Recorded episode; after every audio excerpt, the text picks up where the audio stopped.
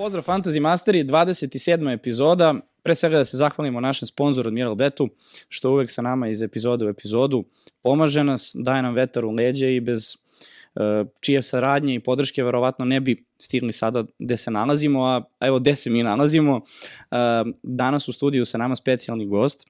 Uh, da li više voliš da te najavljam kao Strahinju Ćalovića ili kao osobe koje ACI informacije ili stoji iza kanala na Instagramu? Pa, s obzirom šta sve radim, ovaj, više volim kao Strahinja. Strahinja? Ovaj, nekako sam se navikao, ali nije pogrešno ni ovo drugo, s obzirom koliko dugo traje.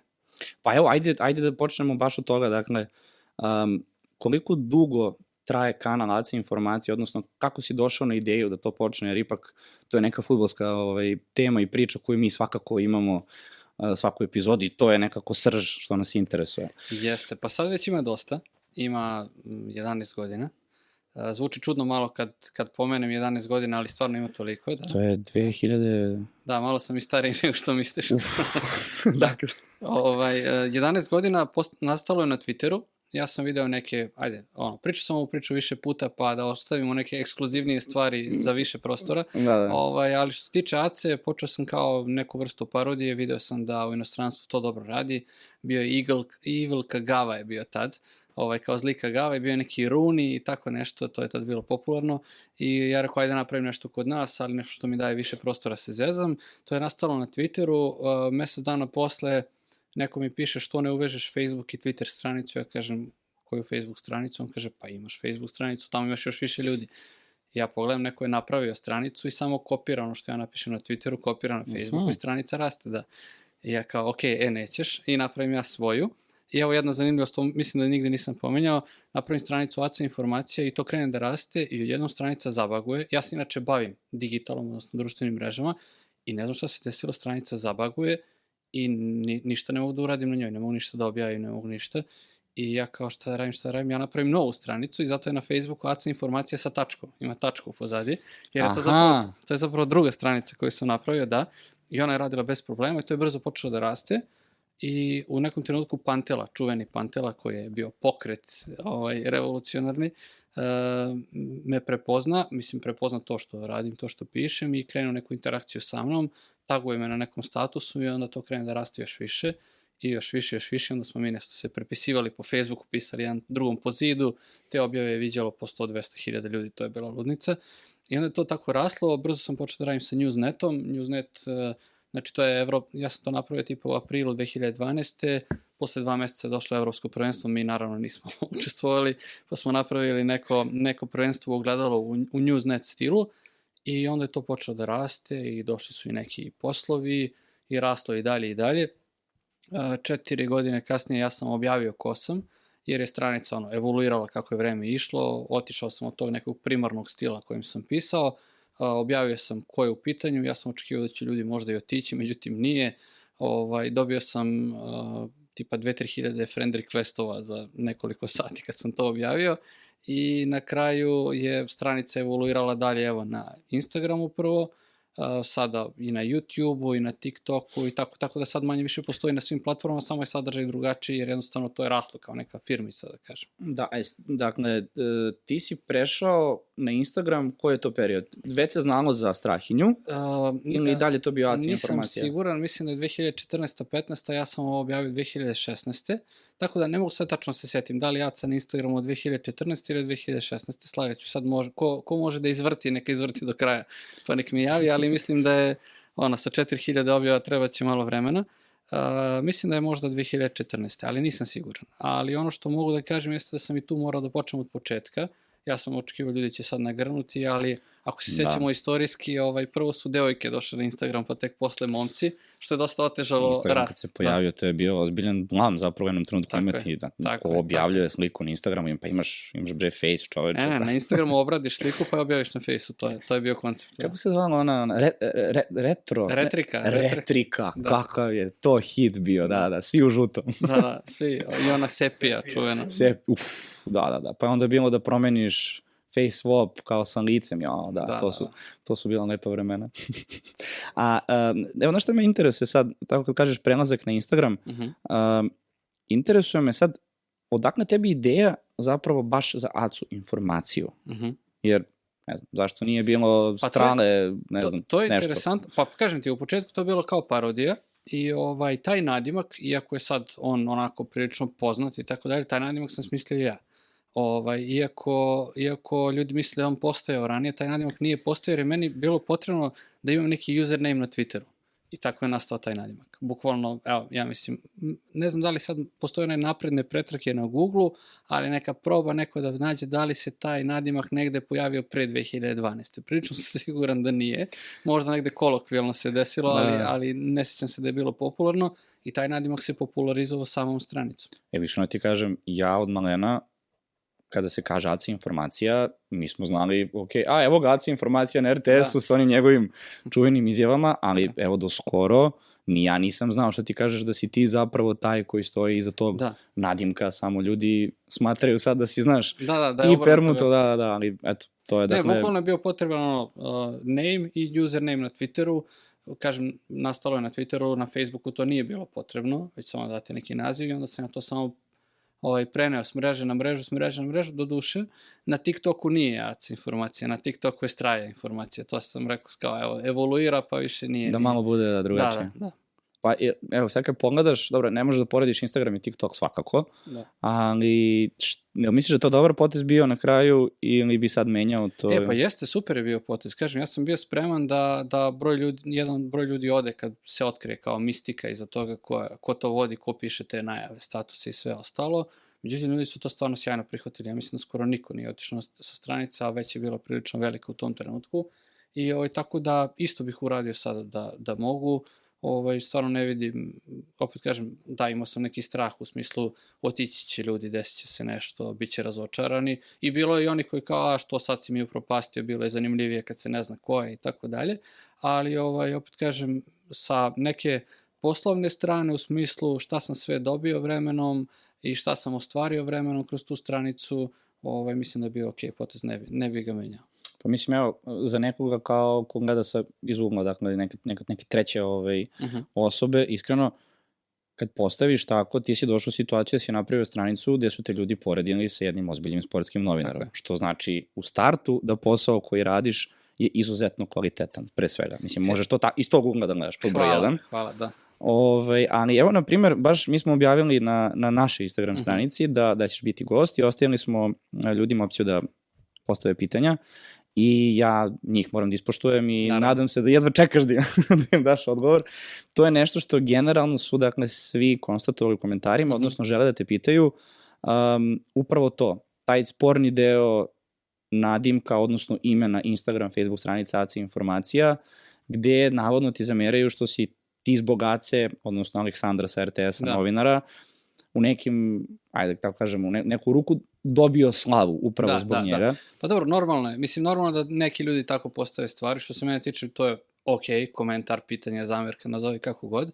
S jedne strane, e, s druge strane, znaš, a, od početka je bilo naznačeno da je to parodija u svim opisima svih profila i tako dalje. Od trenutka kada sam objavio identitet pisalo je jasno i ko vodi profil i tako dalje. Ali s druge strane, ako ljudi ne mogu da razaznaju parodiju od stvarnosti, onda su u malo većem problemu od toga kako sam ja napravio stranicu. Znaš, kao, Da, Glasao sam za Belog Preletačevića na izborima, nisam znao da se ne zove stvarno Beli Preletačević. Pa dobro, ajde malo razmisliti, znaš, kao, Da, okej, dobro poređenje, da. znaš, tako da, tako da u tom, u tom smislu, znaš, kao, ok, da, da je pomoglo, pomoglo, ja nisam sad, opet kažem, ne bežim od toga, ali opet je sve to rađeno sadržajem, znate, kako god da se zovete i koji god username da stavite, evo možete sada probate i na Instagramu i na Facebooku koji ajde polumrtavi i na TikToku, gde god, da stavite bilo koje ime ili da imitirate bilo šta, pa vidite da li ćete da uspete. Ja mislim, opet kažem, to sad zvuči malo nadmeno, a ne bih, ne volim tako da zvučim, ovaj, ali taj rast je došao kroz sadržaj. Da ja nisam pisao hiljade statusa, hiljade objava, pratio svaku moguću utakmicu, ja opet imam običaj da kažem, ono, nisam pogledao utakmicu na miru 10 godina jer su uvek očekuje da nešto prokomentarišem, trpeo i neke kritike i tako dalje, svega toga ima. Što si objavio za Ronalda, što nisi za Mesija, ovo jesi, ovo nisi. Mislim, razne faze su prošle u sportu u poslednjih 11 godina. Ovaj, tako da kažem, sve u svemu razumem, ali je sve to manje više došlo kroz, a, pre svega kroz sadržaj i dan danas dolazi kroz sadržaj. U trenutku, to znate i vi, od kada vodite o, o, o, ovaj podcast i, i Apsolutno, celu da. emisiju, čim prestanete da objavljujete, vi više ne postojite. A ja to radim skoro svaki dan, evo već 11 godina. To je tačno. Znaš šta me interesuje? Da li si došao, ikad, odnosno da li si imao saradnju sa pravim macom mm -hmm. i da li ste seli nekada vas dvojica na kafu? Ne, ne, nismo, nismo, nažalost, nadam se da će se to nekada desiti. Si probao? E, ne, nisam, nisam probao, ali imam to u planu, svakako mislim da bi bilo cool. Uh, s jedne strane, imali smo neki kontakt samo ovaj, neki španski novinar je dolazio u Srbiju i pisao je meni misleći da sam Da on. jaca. Da, jer ono, španski jezik barijera, pa je pisao Da. moj mail čak, u koji nema veze, mislim, mail je Ćalovi Strahinja, tako da, ovaj, ali nije čovjek znao jednostavno i onda sam ja preusmerio to Aci i rekao je, zdravo Aco, tražite taj taj novinar, on je rekao, super, cool, hvala što si javio, to je to, tako da ono, mislim da je sve to... Znači, u suštini on zna za tebe, Da, da, mislim, da. mora da zna. Da, pitali su ga čak, to su mi slali neki momci, a, kad gostuje na fakultetima i slično drži neko gostujuće Aha. predavanje i onda ga oni pitaju i uvek je imao samo lepe reči, tako da, eto, meni je posebno drago zbog toga jer je Pa da, to je... Moj koncept je od prvog dana bio takav da niko ne bude uređen, da ta, ajde nazovimo to popularnost ili kako god tu valutu koja se stvara vremenom, da ona bude samo u pozitivnom smeru. Znači da, da, da ne može niko da uperi prstom i da kaže, e, ti si rekao za ovog, ovu ili ovaj klub ili reprezentaciju nešto loše, uvek je to uglavnom pozitivno, a i kada kritikujemo, uglavnom kritikujemo ono, rivale naših, naših sportista, nikad nešto, nikad ništa opasno. Pa mislim, evo, samo zamisli da su mi sa Strahinja zoveš Aleksandar, koliko bi to bila Da. tema, onako. To, to, bi tek, to bi tek bio haos. To bi tek bio Da. haos. Ali evo sad, ovaj, s obzirom da, ako se ne varam, 178.000 pratilaca, ja sam A, dobro na rekao, Instagramu 107 tako nešto, da. da. da, na Facebooku je oko 190.000, evo kažem na TikToku koji mi sad zabavan ima 60-ak. A, sam me podsjetio na Novaka Đoka, not so bad. ovaj, ne, ne, mislim, stvarno, brojke su ogromne. Jesu, pa jesu, a, to su super brojke, ali ono što bih ja da istaknem možda nekom bude i korisno ko želi nešto slično da radi, pa i vama ovde. Ovaj, na svakoj platformi se raste nezavisno. Ja sam očekivao da kad ja objavim da sam na Instagramu da će ljudi da polete, onda sam mm očekivao da kad objavim da sam na TikToku da će ljudi da polete, ništa se nije desilo, verujte mi, tu je dolazilo 200, Ista 300, situacija. 500 ljudi, maksimum od 100.000 i vi onda kao, aha, ok, znači moram sve ispočetka, moram sve ispočetka. Mo I onda kad sam se pomirio s tim, ovo je bilo mi je dosta lakše. Isto mi se desilo kad sam pravio YouTube kanal i tako dalje. Vi očekujete sad kao ljudi će doći, ne, neće doći dok vi nemate dovoljno sadržaja, da taj sadržaj nije dovoljno dobar, zanimljiv, provokativan, nazovite kako god. Čak imaš jednu bazu vernih pratilaca, ali to je stvarno, stvarno mali broj koji je spreman, što ti kažeš, ne, imaju problem da se Instagrama ugase, zatvore aplikaciju, Da. uđu na, na, na, na Da, neki pa- YouTube ili za- TikTok, Zato što, zato što smo, da ukucaju i nađu. To, to, je normalno, postali smo lenji, tu ne pričam samo o ljudima, pričam i o sebi, o tebi, ovaj, o kolegi, o svima. Ovaj, jednostavno, digitalizacija i taj, ajde kažem, uh, način komunikacije nas je dosta ulenio. Znate, što ti kažeš, mrzi nas da prstom pređemo u drugu aplikaciju, a kamoli nešto drugo. Tako da, to je problem, ali to je u ponašanju svih nas potrošača, da tako kažem. Znači, Da, da. Tebi ako nešto prodaješ i ako ti sajt nije optimizovan bar malo, ovaj, ljudi neće kupiti, iako im to baš treba. Ti će na prvi sledeći sajt izgubit će još vremena samo da, da tu uštede tih par sekundi. Tako da to je normalno. mi ako smo to dobro nešto sračunali, primetili ovaj, u poslednje vreme, u pitanju je jedna sekunda, manje od jedne sekunde, Da. ti zainteresuješ Jest, ovaj, nekoga jeste, da, da jeste, pogleda tvoj jeste. sadržaj. Ja, ajde da ne pričam sad mnogo o tome. Kao, da, ne, nećemo te- naravno, te- ali prosto moraš se dotakneš toga. digitala, Da... ja kad sam počinjao da se bavim ovim pre nekih 12 godina, mislim pre ACI još kad sam počeo da radim kao community manager, ovaj, bila je priča da imate minut da nekoga zaintrigirate, pa posle par godina je bilo 30 sekundi, pa 10 i onda u toku korone jedan podatak koji sam naišao je bio da uh, ljudi vam posvete 1,7 sekundi nekoj vašoj objavi pre nego što pređu dalje. Da li je ta objava slika, status ili video, nije ni bitno, ali otprilike to je to. I mislim da je TikTok tu ono, doveo do maksimalnog Razbucao, ubrzanja i razbucao. ovaj, ja čak mislim, evo ja imam sad ono, 33 godine, to nisu neke velike godine, ali nisu ni male, i ovaj, gledajući mlađe od sebe kako koriste TikTok, kako se dopisuju, kako koriste Snapchat i tako dalje, mislim da ja ne bih mogao tom brzinom da, da komuniciram sa ljudima. Tako da oni verovatno još brže ovaj, eh, preseku da li će da gledaju ovaj neki video da smo ja i ti ili ne. Pa evo, mi smo imali baš ovaj, dobar primjer kad smo kretali sa, sa TikTokom. Uh, to je bilo prošle zime. Mi smo sekli, dakle, snimak iz podcasta Da, da. od 20 sekundi. Kako isečeš, tako ga kačiš kao, kao snimak na, na TikTok i na sve to smo na početku kao prvih sekundi nešto dodavali animaciju logova. Uh -huh. Znači, sve što ne treba da uradiš. Da, sve, da oteraš čoveka. Da. Tako je, jer on kad krene taj snimak, on vidi logo i šta to za njemu znači, gde su Tako tu je. pregledi bili katastrofalni. da. Ove, I onda smo seli, imamo čoveka koji nam to radi objasnio i to je, znaš, futbolska Mhm. tema samo ide. Tako da, da, iskusili smo to baš, što kažeš, ali evo, ajde, sad na, baš na tu temu, šta ti konkretno kada imaš jednu stranicu kao što je ACI informacija, Mhm. kako možeš da napreduješ?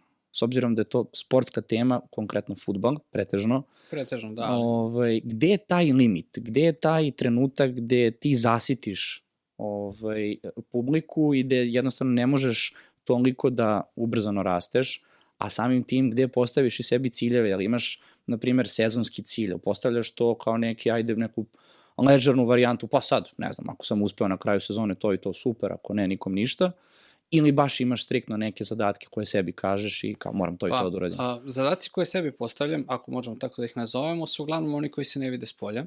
Zato što je rast a, na Facebooku pa i na Instagramu prilično ograničen. Kažem, svi se susrećemo s tim u nekoj meri. Sad recimo, naravno da fantasy kao tema ne može da okupi dovoljno fanova koliko može, ne znam, sport kao tema, dejac. Naravno. Ali sa druge strane, i sport je ograničen. Mi to ne shvatamo jer mnogo volimo sport, pa mislimo da ga svi vole, ali to nije tako. Ovaj, vi čim zađete u neku drugu temu, tema, ne znam, estrade, zabave, nazovite to kako god, to se multiplicira sa 3, 4, 5, 6. Tako da kažem, ja mislim da je uh, ACA kao stranica, nebitno sad da li je moja stranica ili, ili kako god, uh, došao do nekog plafona, otprilike na Facebooku pa i na Instagramu. Mislim da na Instagramu tu može da poraste još 10-20% u narednih par godina, ali generalno s obzirom na algoritme, s obzirom na to kako se korisnici ponašaju, ne verujem. A, ono što hoću da kažem, ti ciljevi koje ja interno sebi zadajem, oni se uglavnom uh, ogledaju kroz brojke.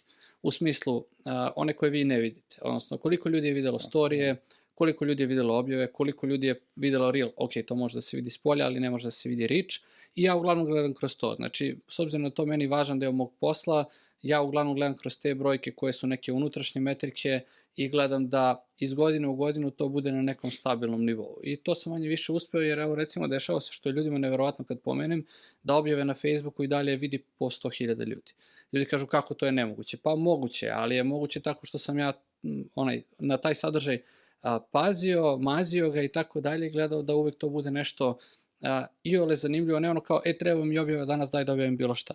Ili, a, ajde da reklamiram bilo šta, kad, ako pričamo o tom nekom financijskom delu i tako dalje. Ne, uvek sam pazio šta reklamiram, kako ta reklama izgleda i kako sadržaj zbog kog ljudi prate izgleda. Znači, neću sad da objavim da postoje insinuacije da, ne znam, a, Kulibali ide u Al Nasr, to nije za objavu, ali jeste za story, kao jedna informacija koja danas je bitna, sutra Može tako nije. je, da, ne mora da bude, da. Jasno. Na primjer, to je ono baš jednostavan primjer, ali generalno a, vrlo često, iako bi meni bilo lakše da ja uzmem da ujutru nešto objavim i kažem danas sam nešto objavio, ovaj, manje više sam ja uvek dostupan sam sebi, da kad god se pojavi nešto bitno reagujem relativno brzo i da to objavim. Znači, ti, ti si sam zapravo, ili imaš ipak ekipu Ne, koja... ne, Sam. ne, ne, sve što je na ACI ikada napisano, osim jednog statusa koji mi je pisao jedan drugar pre I sad ne možeš da prežališ, jel? ne, ne, ne, ne, okej, okay, okej, dobro ga je napisao. Pre deseta godina na fejsu je napisao jedan status koji je bio super, ovaj, kao neka pričica ili uvod, sad, znam da je bilo duže, od, od, ono, nije bio ono, one-liner neki, nego je bilo malo duže. Ovaj, sve ostalo, i kada objavljeno naci informacije sam ja sam.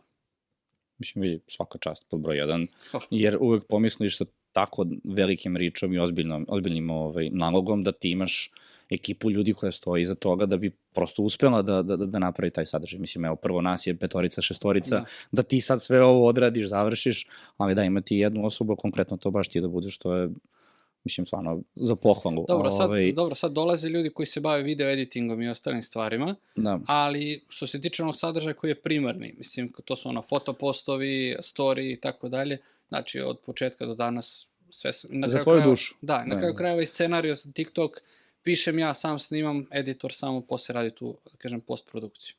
E sad, tu me interesuje kako je i u kom trenutku tu došla tema fantazija Uh -huh. na tvoju stranicu, jer ako pogledaš na takvom kanalu kao što ti imaš, fantasy, tema fantazija zauzima, ajde da kažemo, ozbiljnu, ozbiljnu, o, o, pa jedan prostor, to je na highlightu, ali tako, ali Da. svakako objavljuješ uh, uh, uh, svaku novu, svaki novi rezultat, novo kolo, ko sve nagrade.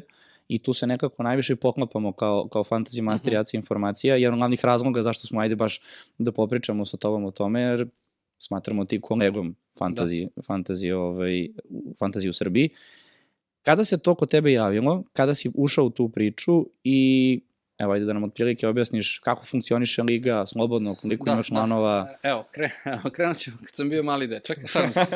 ovaj, ne, a, kad sam ja bio mali, tad još nije bio fantazi, ali evo ovako, otprilike ja sam, ono, futbolski fanatik, što se, jel te, i vidi, ovaj, i volim i futbol i sve stvari oko futbola. Uh, igram FIFA redovno, već uh, 3-4 godine. Znači nije godine. PES nego FIFA, ne, ne, molim vas. Poslednje 3-4 godine je FIFA definitivno, PES nisam pipnuo jer nisam video smisa u tome uh, više, ovaj, ali pre toga je bio PES ono godinama unazad. I, znači, igram FIFA, igram fantasy uh, i još neke stvari koje su mi interesantne, koje se tiču samo Ovaj sad vidim da je Sorare sve popularniji, pa mi je to kao koncept zanimljivo. Nisam igrao do sada, ali bih probao. Tako da jednostavno volim sve, sve čega se futbol dotiče. I popularnu kulturu i tako možda i neke estradne stvari ako je neki, da. ako je neki futbaler uključen, da. I a, tako je to nastalo. A, fantasy igram, a, naravno futbol menadžer, mislim, evo, greh je možda da ga ne spomenem jer sam godine i godine izgubio. Ovaj, sad, radim, sad radim jednu stvar koja je malo čudna, naravno svi smo igrali menadžer besplatno, ovaj, nalazili, krekovali i tako, tako dalje. A, poslednje tri ili četiri godine ja kupujem menadžera redovno ovaj, sa Steama i ne igram ga, ali to im kao malo vraćam, ovaj, da. što, sam sve te godine, što sam sve te godine igrao redovno, besplatno i što ko zna koliko sati zabave tu bilo. Tako Najveći kažem, uspeh u menadžeru? U menadžeru a, šest liga šampiona za redom. To mi je bilo nešto sa Interom sam imao. Interom, a? Da, da. Što s Interom? pa ne znam, tako ja menjam ekipe. Znaš, ja krenem kao neke bogate, pa uzmem siromašno, pa bogatu, pa siromašno i tako u krug dok mi ne dosadi ta, taj, Aha. taj, ta igra, ta verzija. Ovaj, ali što se tiče fantasija, počeo sam da ga igram, čini mi se 2012. ili 13. godine. I ono što je simptomatično, jeste da sam svake godine sve gori. I onda si na kraju odlučio da napraviš ligu. Da, ne, ovaj, zato što sam ja nekako, ne znam kako sam to uspeo, ali ja sam bukvalno kad pogledaš moj rezultat ono po godinama, tipa 7-8 godina za redom sam bio sve gori i gori. Ovaj, možda ove godine nisam nastavio taj niz, možda neki prosječan rezultat, ali generalno, znači to je sad već evo 10 godina. Ligu sam pravio već 3-4 godine za redom, zato što kao, ok, to je zajednica koja igra fantasy. Mislim, ljudi koji su tu, velika je verovatnoća da igraju fantasy. I onda sam pravio ligu iz godine u godinu, ona se obnavljala i bilo je nekih deseta hiljada ljudi u ligi, što je meni bilo stvarno impresivno, jer opet kažem, ok, dosta ljudi me prati, ali opet da 10.000 ljudi uđe, ukuca kod ili klikne na link, zavisi kako su došli, to je stvarno dosta. E, ove godine se desilo nešto specifično, to je ove sad već minuli sezone, mm -hmm. a to je da je Jetel izrazio želju da bude sponsor i onda smo to digli na dosta viši nivo, što je meni bilo posebno zadovoljstvo, ne samo kao što sam ja se dogovorio sa njima, nego zato što je to stvarno i igračima sve podiglo na viši nivo. I ja sam to najavljivao malo više, s obzirom da je bilo i sponzorstvo i ovaj, uh, mislim da je u ligi sada preko 23.000 igrača, što znači da je to jedna od najvećih liga ovaj, pa, ovde sigurno, mislim, ne računajući one broadcast da, da, lige da, tipa da, da. Arenina liga ne, ne, i tako naravno, dalje. Mo, možda, možda i najveća zapravo. Da. Možda najveća. I ovaj, Ali i... ona je otvorena u stvari liga, ali tako? Jeste, jeste. Svako može da jeste, da igra, da. Svako može da se pridruži, da.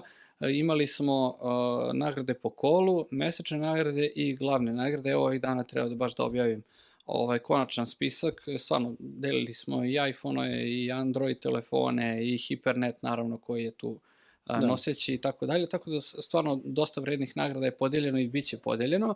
Ono što je interesantno, u jednom trenutku negde na polovini sezone, ta liga je bila najbolja liga na svetu, na što sam ja ekstremno ponosan. U kom smislu? Pa na onom homepage-u Fantazija imate na, one najvrednije lige, odnosno igrači koji, na, timovi koji najviše vrede, imate najbolji plasman po bodovima.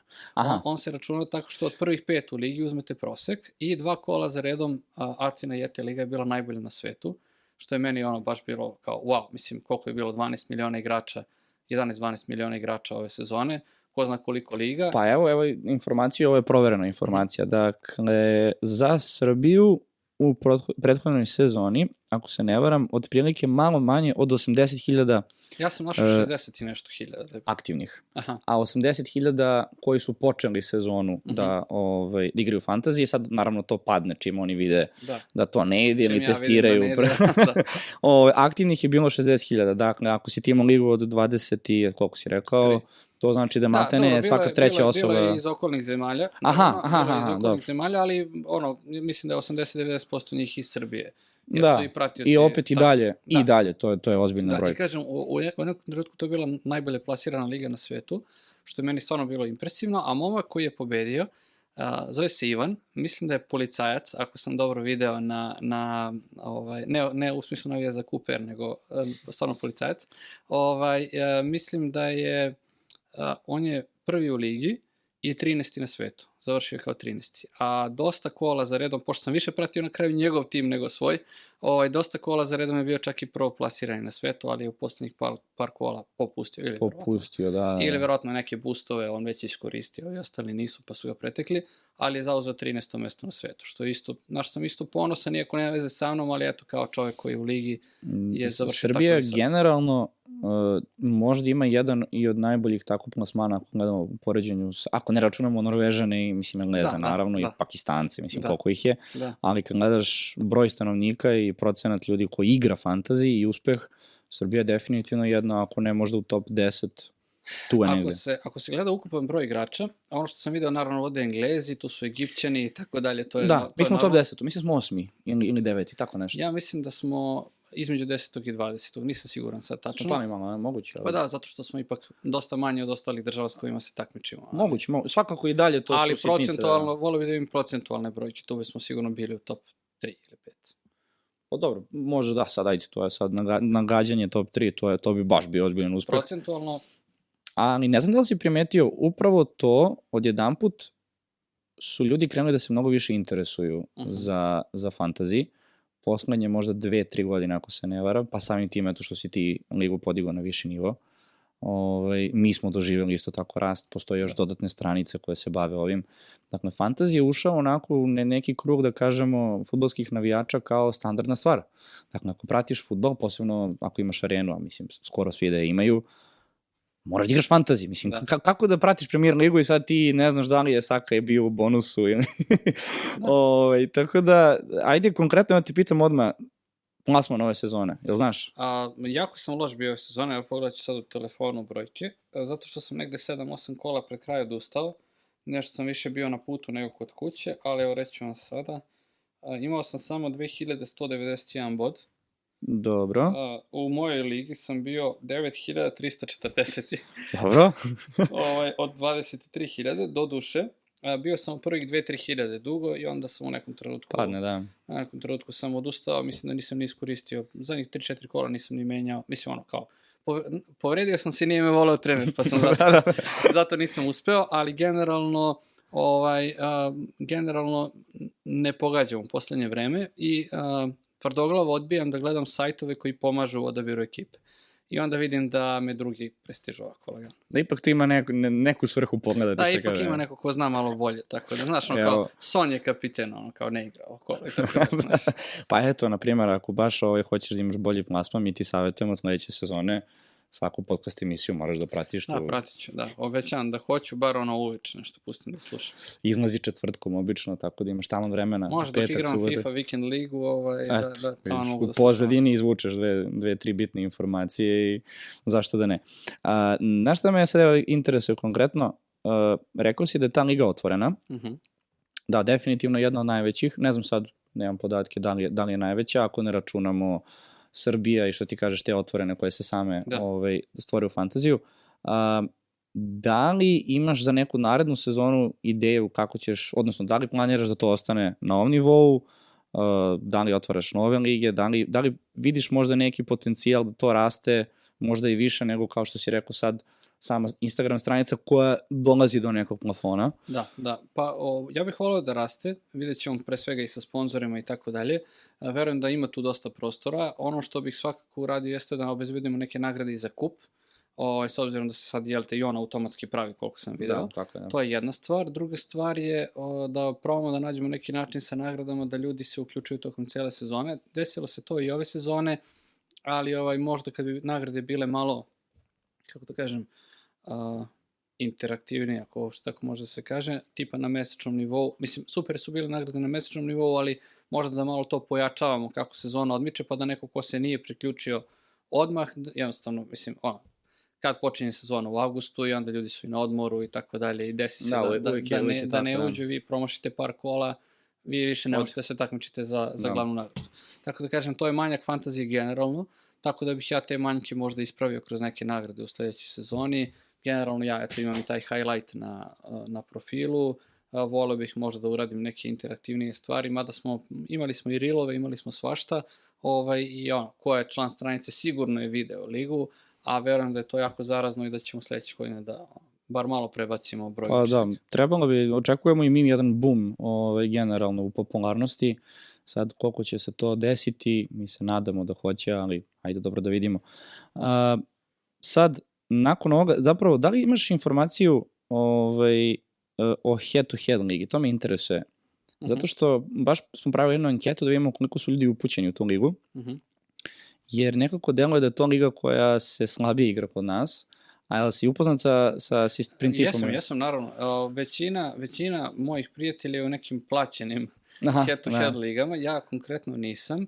Ovaj, bio sam u jednoj ligi gde moj kum i njegova ekipa sa fakulteta su to igrali, pa su onda ubacili preko veze i mene, pa sam ja onda preko veze ubacio jednu drugu, onda je drugar taj osvojio tu ligu, onda su se naljutili i rekli su ne može niko s polja da ulazi više. Aha, Tako da, eto, to je, to je, to je bila posledica, baš ta head-to-head liga, ali generalno upoznat sam sa konceptom, interesantno je, ali mislim da nije za tako masovne stvari.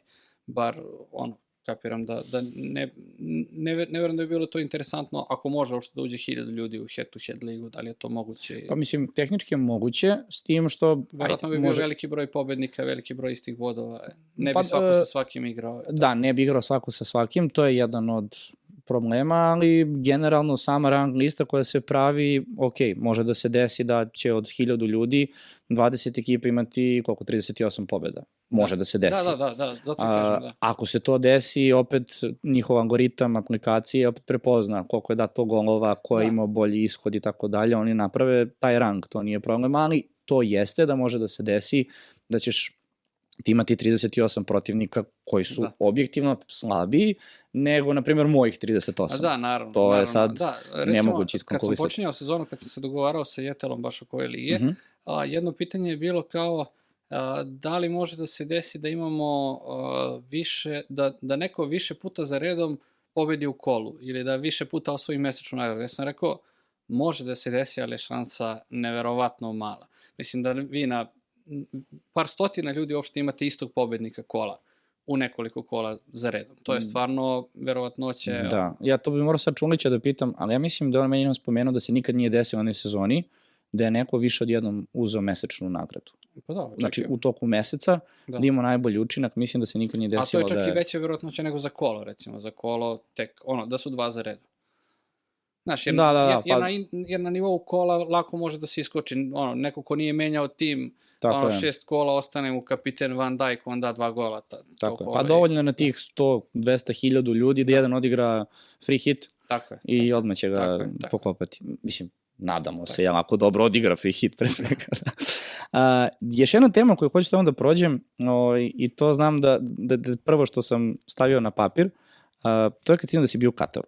I sad, možeš da razumeš da je Katar kao pojam svetskog prvenstva, generalno, za sve nas, što ti kažeš, ti imaš 33, dakle, skoro si 10 godina stariji od nas, Ove, to je nekako to svetsko prvenstvo famozno, generalno u našoj naciji je rasprostranjeno kao jedan ponos gde mi moramo tamo da pokažemo obraz i to je pitanje nacije, ali otići na to svetsko prvenstvo, to je sigurno svima nama jedan veliki san i onda kad vidimo da neko ode, a posebno da radi tamo posao koji voli, kao šta ćeš više od toga? Znaš, šta ćeš A, više? Baš to. Ove, bio mi je Jovan Simić na, Mhm. na gostovanju kada smo pričali o olimpijadi ove, a ti sad dolaziš kao neko ko je bio u Kataru. Uh -huh. Mene, ako pitaš lično, išao bi dva puta u Katar umesto da idem na olimpijadu.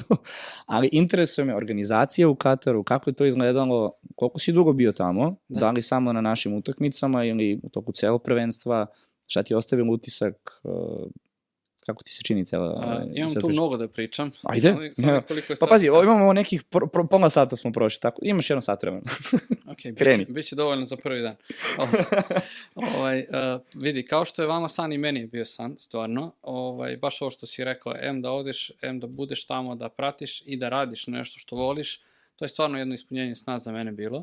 Bio sam tamo dve nedelje, uh, sad mi je žao što nisam bio još duže, zato što jednostavno nisam znao šta me tamo čeka, ovaj, ali sve je ispalo i bolje nego što sam očekivao, osim rezultata. Da, to, to, to, to nećemo To da nećemo, pričamo, to to, smo se dogovorili da... To ćemo u trećem polovremenu. To je davno, davno gotova tema. Elem, ovaj, e, bilo je sjajno, bilo je sjajno. O, ja sam išao sa tri drugara, mi smo imali neke nedoumice u smislu, a, ok, idemo u Katar, a, plaćamo relativno skupo taj smeštaj, a, i karti i sve ostale, ali ajde, ajde. Jeste avionom išli, to je, to je prvo pitanje. Da, da. Mi smo tražili kombi.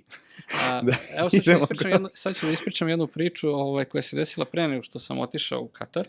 Izvinjavam se. Ovaj, sedim ja sa suprugom na nekom, nešto smo prenoćili u Beogradu i sedimo na nekom splavu ovaj, tamo na, na Savi i uh, dolazi momak koji je konobar, kao šta ćete da pijete i mi kažemo, on donosi piće, kaže, "E, ja tebe pratim, super si hvala, super, ovaj, jel imaš neku šemu za Katar? Ja kažem, pa, ono, planiram da idem, nabavili smo karte, čekamo da stignu, ali još nismo smeštaj. Jao čoveč, što bih ja volio da idem u Katar. Ja kažem, pa ono, rekao, ne znam, kopaj svuda pa ćeš da, znaš kao, i on kao, jao, ja zaradim, ne znam, toliko i toliko para, mesečno otprilike, i sad on, aj sad da ne pričamo ciframa, ja toliko mogu da zaradim ovde, ja bih dao dve plate da mogu da, da odem samo, samo tamo. Ja kažem, pa kako više, pa kolima bih išao, kao ništa nije problem, samo da, samo da odem. Ne znam da li taj momak na kraju otišao, ako ovo gleda, nek se javi, nek napiše, ovaj, ali on je baš imao veliku želju da ode i tako je neka atmosfera bila među svima Mhm. I, i među nama, među Pa dobro, očekivamo se da ćemo imati ozbiljan uspeh. Dobro, da, ali ne samo to, nego sam doživljaj, znaš, ti ideš u neku zemlju koja je potpuno strana, ovaj, ako nisi bio na tu stranu nikada. Ja sam mesec dana posle toga bio i u Dubaju, pa sam onda shvatio kako sve to zapravo funkcioniše i prijatno se iznenadio mnogim stvarima, ali kažem, nama je bila ta bojazan kao idemo u Katar, platili smo smeštaj, a sve unapred plaćeno, to je prilično skupo za nas četvoricu, a gde idemo, pa to je neki render, i na tom renderu kao svaka soba ista, svaka zgrada ista, znaš kao nemoguće, da, znaš kao, da, jel postoji ta zgrada? Onda me je preko ACE kontaktirao nešto godinu dana pre toga kad smo se plasirali na Mundijel, o, jedan momak koji me prati odavno piše kao, e, e kao, e, ne, pred utakmicom, evo sad ja, ono, dok se setim, du- during the war, kako je bilo, ali ovaj pre utakmice sa Portugalom piše i kaže, ako odemo na Mundijal, imaš smeštaj kod mene. I sad ono, Mitrović daje gol. Mitrović daje gol. Ti na telefon, ono. I ja kao, e, kao, samo da vidimo kako ćemo i šta ćemo. I on kao, ja ne mogu da verujem, bla, bla, naravno bio je presrećen. I on mi je stvarno ponudio smeštaj tada, međutim nas je išlo više, više.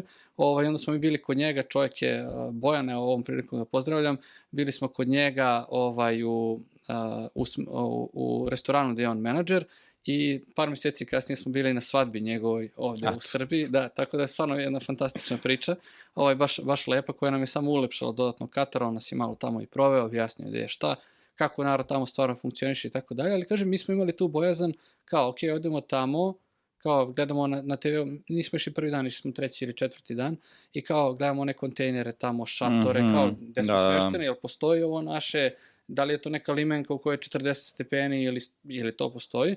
Mi smo ušli u zgradu, zgrada je ono ganz nova, ovaj, taj To stan, vratno više ne postoji. ne, e, ne, poklonili su je nekom, ono, teleportovali su je. Ovaj, ulazimo u zgradu, ulazimo u taj stan koji je, ono, prostran, trosoban stan, ovaj, ima jedno 60-70 kvadrata, a, kako se zove, znači, nikad niko nije bio u njemu pre toga, na televizoru uključujemo prvi put, znaš, ono, bukvalno Da. sve novo, jer njima to nije neki trošak, s obzirom, mislim, ne kažem sad, to paušalno zvuči, jeste trošak, ali za njih to nije ništa strašno, nije neki poseban luksuz, ali sve je čisto novo i tako dalje. I uh, stvarno je uh, fantastično, uslovi su bili fantastični, stalno ponavljam rečenicu koju sam čuo, tamo slep čovjek da dođe, mogu bi da dođe od smeštaja do stadiona, jer vas bukvalno na 20 metara usmeravaju oni metromen koji su bili popularni i tako dalje, gledaju koji dres nosite, gledaju kuda idete, da ne promašite stanicu, da najbrže stignete do stadiona. Znači, to je bilo toliko pretrpano osobljem koje, koje se bavi mundijalom da vi prosto niste mogli da pogrešite. Znači, vi ste ono na vrhu stepenice koje se spuštaju dole u metro. Metro je potpuno nov, jer ono, obično kad kažemo metro, ona se asocira nešto malo mm -hmm. prljavo, nesigurno i tako dalje.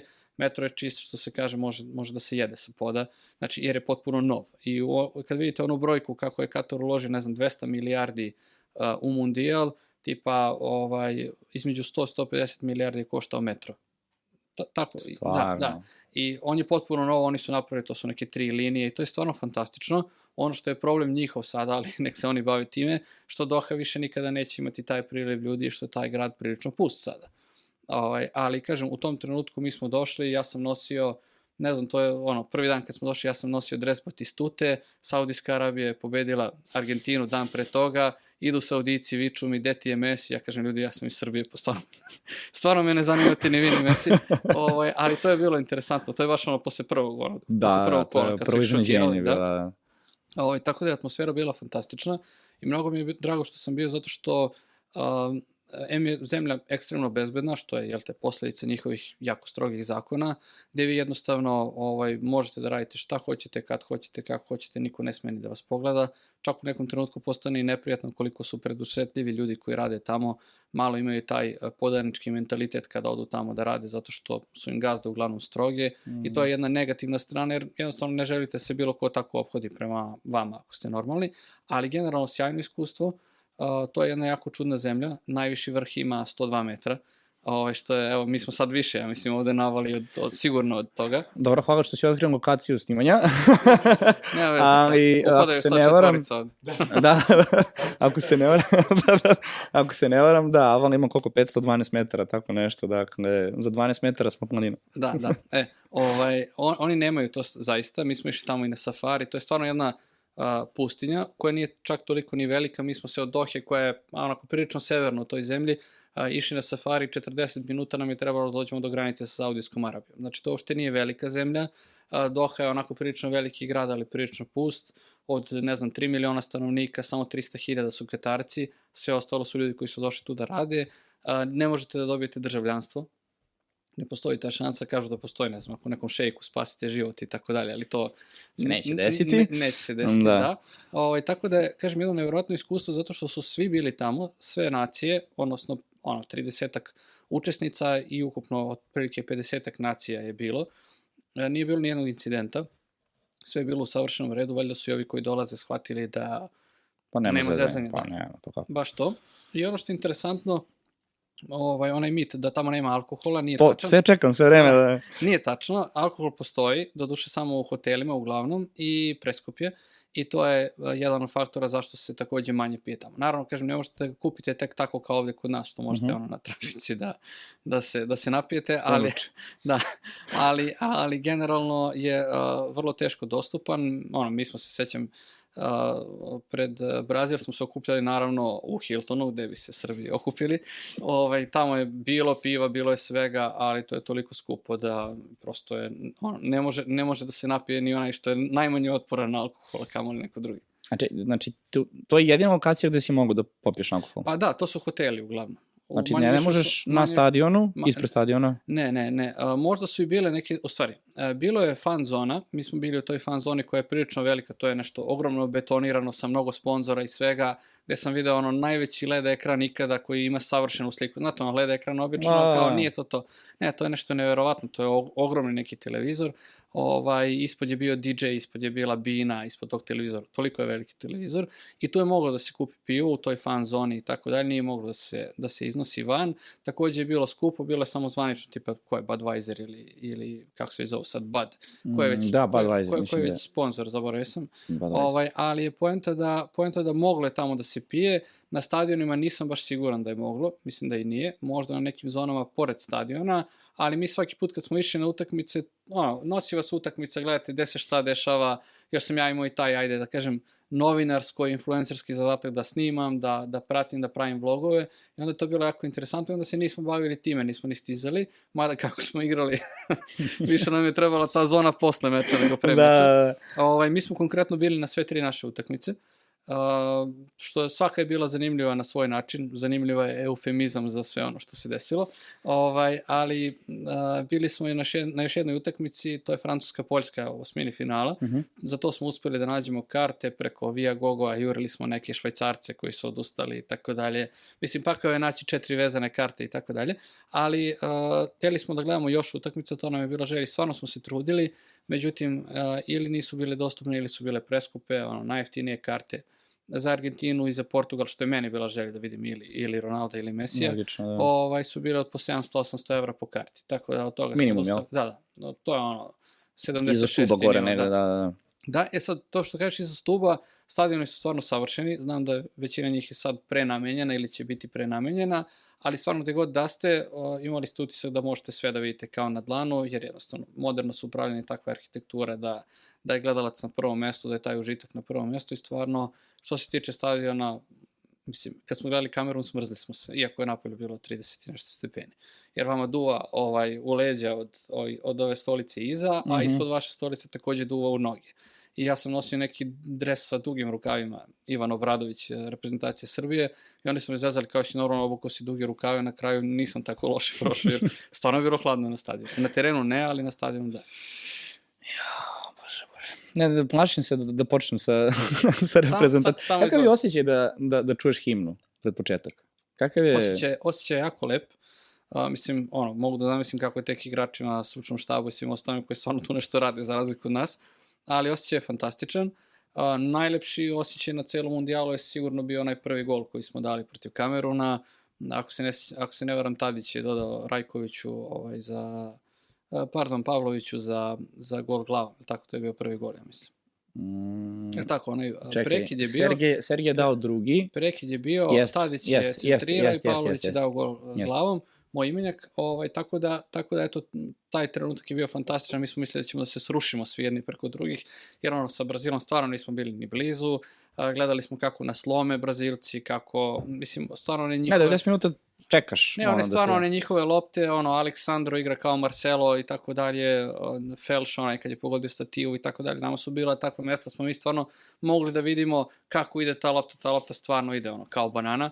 Ovaj, i, I bilo je, opet kažem, jako zanimljivo, ali i stresno za nas, jer stvarno nismo pipnuli loptu. I onda kad je krenulo ono da se otvara protiv Kameruna, to je bilo stvarno prelepih pola sata i nešto više dok nije, dok nije usledio sunovrat. Na kraju protiv Švajcarske, a, ovaj, ajde, nisu nam ni ostali rezultati išli na ruku, ali onaj trenutak kad smo i već ono, počeli da gubimo i kad je bilo jasno da ne možemo da prođemo dalje, to je bila takva tišina na stadionu da ja ne mogu da objasnim. Jer mi smo se Da. svi učutali, da, ovaj, baš, baš smo se učutali, a švajcarci ko švajcarci, ono, prošle godine je prilično visok, nije da su nešto navijali, došli su eto kao malo da vide šta Bravo, se, momci, da. da, šta se radi, to malo da proslave, da se malo i šaraju onim bojama i to je to. I to je takav muk bio na stadionu da, da mi nismo mogli da verujemo.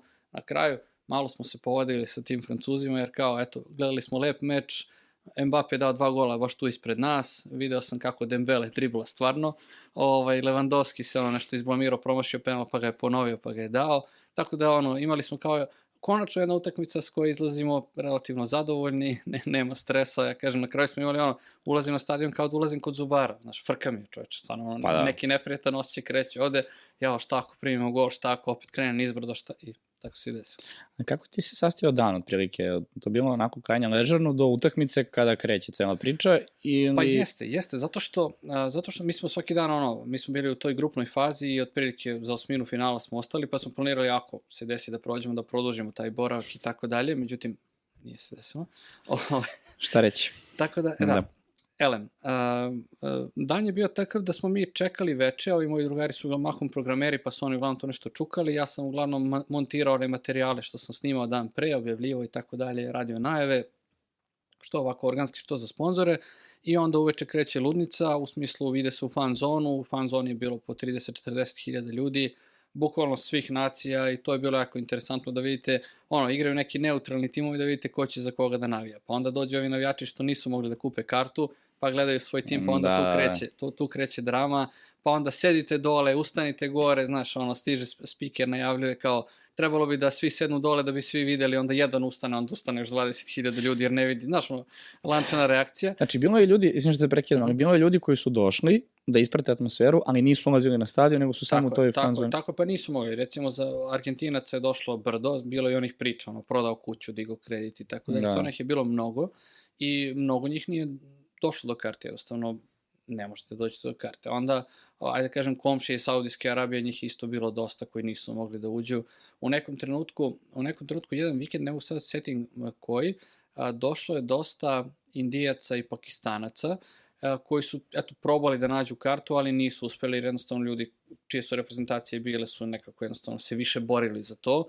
Onda je bila preplavljena fan zona, da su to bile desetine hiljada ljudi koji, ono, ne, navijaju, eto, kao, Da, da, čisto da. reda radi, ali sve je bilo interesantno. Velike, na velikim zgradama su ono bili futbaleri, viđali ste te slike ono, preko, preko cijele zgrade, prate se rezultati uživo, sva, svaki televizor, sa, samo je futbol bio tih dana, sve je bilo u znaku futbola. Ono.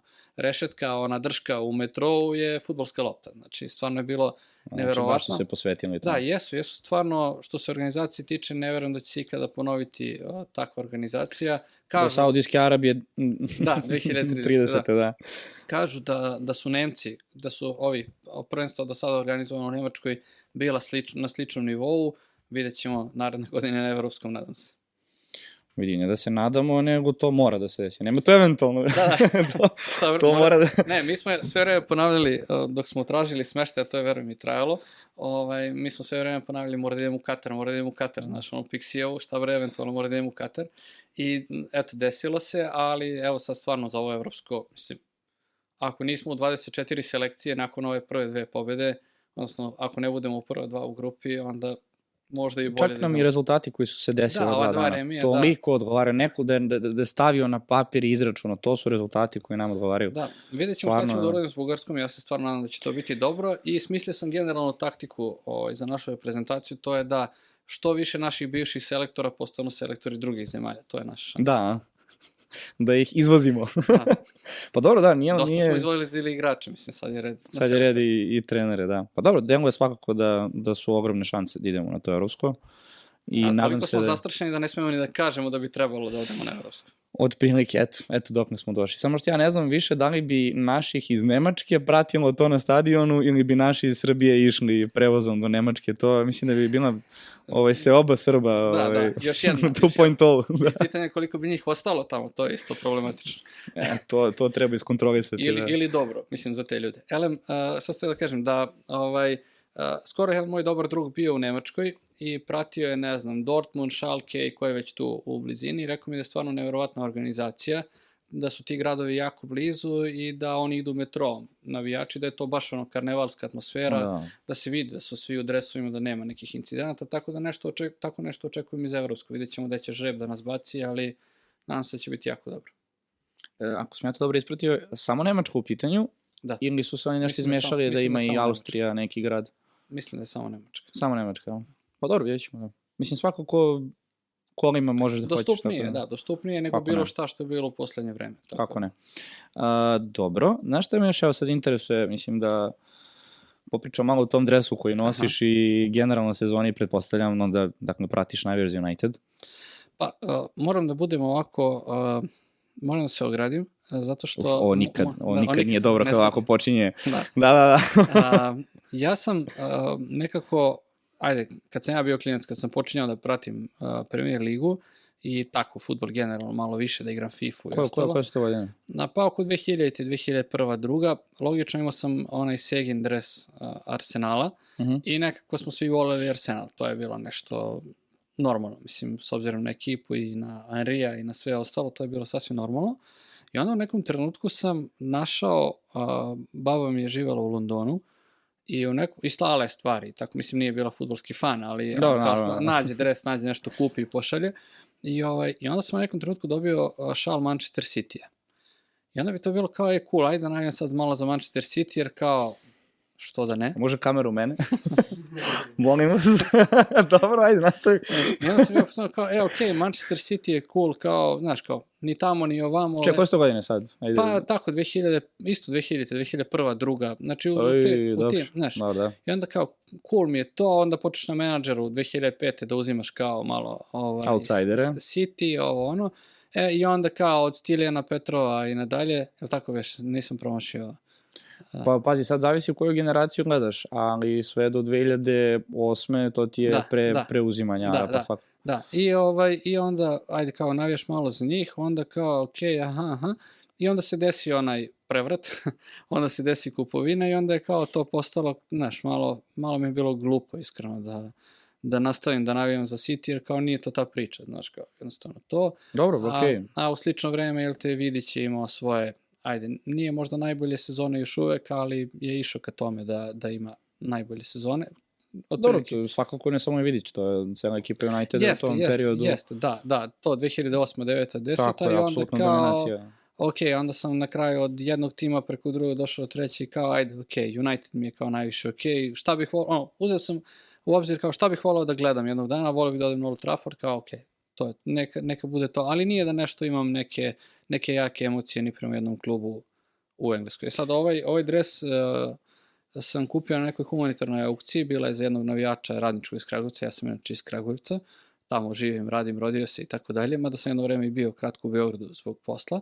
I ovaj, tamo sam kupio ovaj dres i on mi je najdraži, nemam neku veliku kolekciju, ali on mi je ubedljivo uh, najdraži dres i zbog načina gde sam ga ovaj, kupio i zbog, ajde da kažem, cele priče s Vidićem, pošto mi je Vidić definitivno omiljeni naš futbaler svih vremena. Jesi ga upoznao možda? Ne, ne, ali sam čuo mnogo lepih stvari a, u smislu da a, se ne ponaša kao klasičan futbaler. Znam da to može da zvuči malo ružno, ali svi znamo da jednostavno ovaj neke vrste sportova iziskuju određene načine ponašanja, životnog stila i tako Da. dalje. O njemu sam zaista čuo puno lepih stvari i to iz proverenih izvora, da je a, suptilan, normalan, da voli da čita, da ne voli da se bavi nekim stvarima kojima se inače ljudi bave i tako dalje. Tako da kažem, eto, tad mi još više porastao u očima i kao jedan ono, Da. sportski uzor. Pa evo, veruješ li mi, znači, ti si generalno drugi gost uh, sa kojim pričamo o Vidiću. Mhm. Uh, Jovan Simić ima priliku da ga upozna. Ti imaš, dakle, informacije o njemu. Dakle, kad god čujemo nešto o Vidiću, e, imam utisak kao da pričamo o oličenju svega dobrog u futbalu kao sportu, da je sa naših prostora. Kao da je on neka ikona, ne, ne, neka slika, tako je, ovaj, nečega, kako, čemu mi treba da stremimo. Ovaj, sad, ajde, to je malo sad ušlo i u političku neku konotaciju Da, da, u posljednje sad- vreme, pa, da, pa čim se uđe, čim se, izbegavamo. čim se uđe u to, ovaj, naravno da ono, on, onda sve informacije postanu Tako a, je. polutačne. Mnogo toga Tako i je, dobrog da. i lošega postane netačno, ali generalno kažemo o, o nekom periodu pre ovaj pre svega ovoga što se dešavalo, ovaj generalno sam čuo samo dobre stvari i zato mi je i dalje i dan danas interesantan i opet objektivno možemo mi da pričamo šta god, možda nam nije drago što sad najbolji igrač u istoriji Srbije nije neki špic koji je dao milijardu golova, ali ako pogledamo po pozicijama, definitivno naš najbolji futboler svih vremena. Da, mislim da možemo tu svi da se složimo ovaj, da je on definitivno najveći futbaler. Dobro, aj sad, starije neke generacije bi tu možda demantovale, ali nekako i ja bi se složio sa tobom da, da, da pričamo definitivno najveći. Nisam... Uh, Najuglednijem. če, često, pa Čak da, možemo če, pa najviše je postigao. Mislim, Liga šampiona, kapiten Manchester Apsolutno. Uniteda i to kakvog Manchester Uniteda, kao što rekao te ono 2009. 10. 11. 12. dokle je već bio, ovaj, stvarno su godine u kojima je to bio ono, all-star team Manchester Uniteda.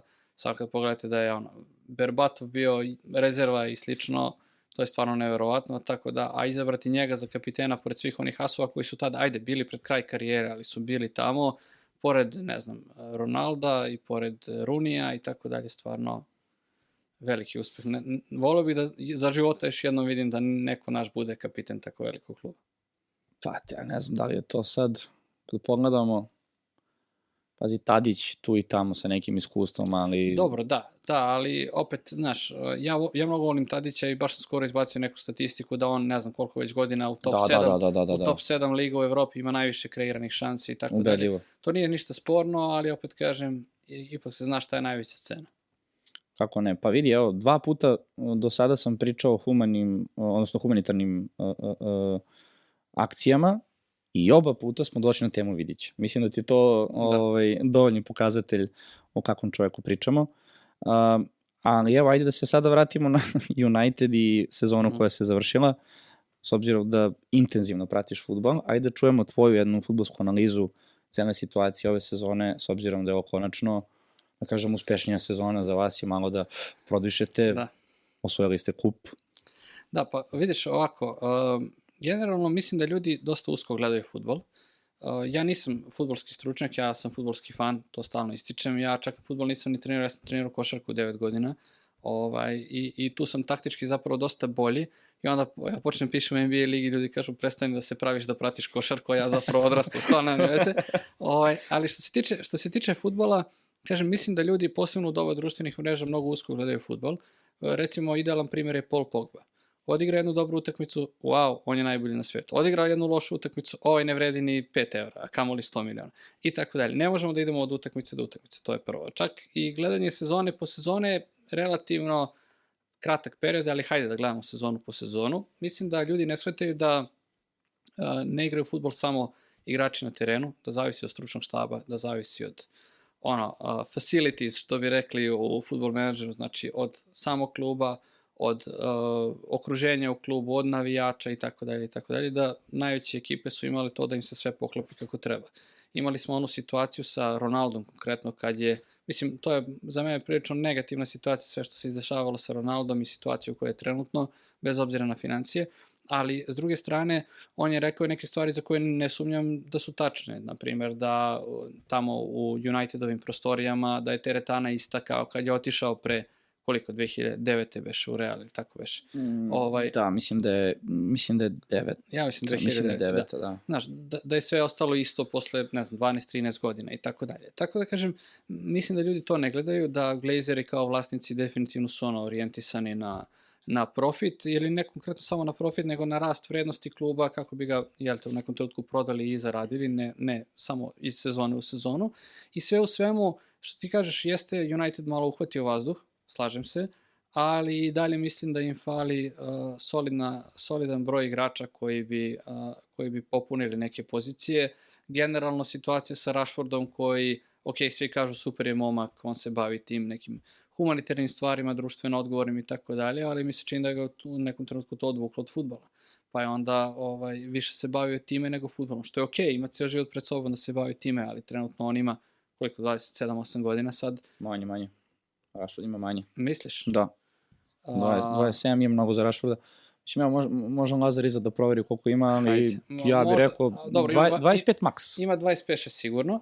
Da, baš zato, zašto sam rekao, možda sam i malo i preterao, zato što uh, Rashford i dalje važi za neko ko tek treba se, kao, da doživi svoj vrhunac, ali već je došao u godine... Koliko?